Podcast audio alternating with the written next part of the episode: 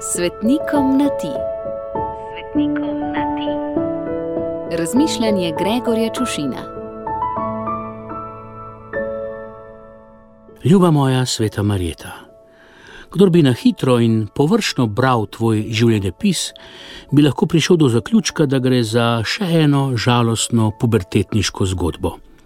Kajti, kot pripoveduje legenda, si bila ob času svoje smrti stara 15 let, na vrhuncu pubertete torej.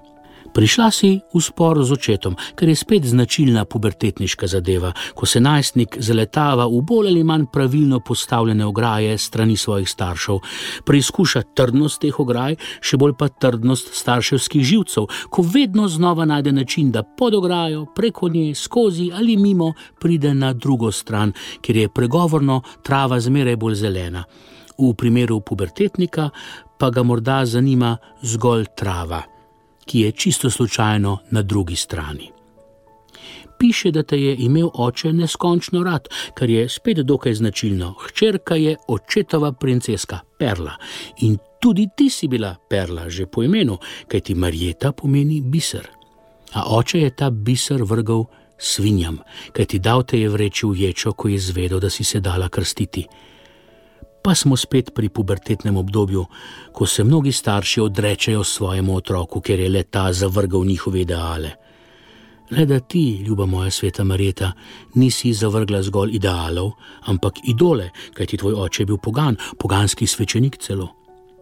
Da pa kljub vsemu nisi bila tipična najstnica, pa pričuje podatek, da te je uječi menda strašil hudič pod podobo zmaja, ti pa si ga z božjo pomočjo ukrotila in upela v verige le redki so najstniki, ki znajo krotiti brbotajoče hormone in jih držati na verigi. Prav tako redki so najstniki, ki se svojim staršem upirajo iz pravih in pravilnih razlogov. Še bolj redki pa so starši, ki znajo v vseh teh situacijah pravilno odreagirati. Nažalost, mnogi ponavljamo žalostni vzorec tvojega očeta in svojim otrokom zaklepamo vrata in jim natikamo verige. Ljuba moja sveta Marjeta, obilo žegna za tvoj god, pa ga obilno razli na starše in njihove pubertetniške otroke, da bo čim manj zgodb, kot je bila tvoja. Gregor.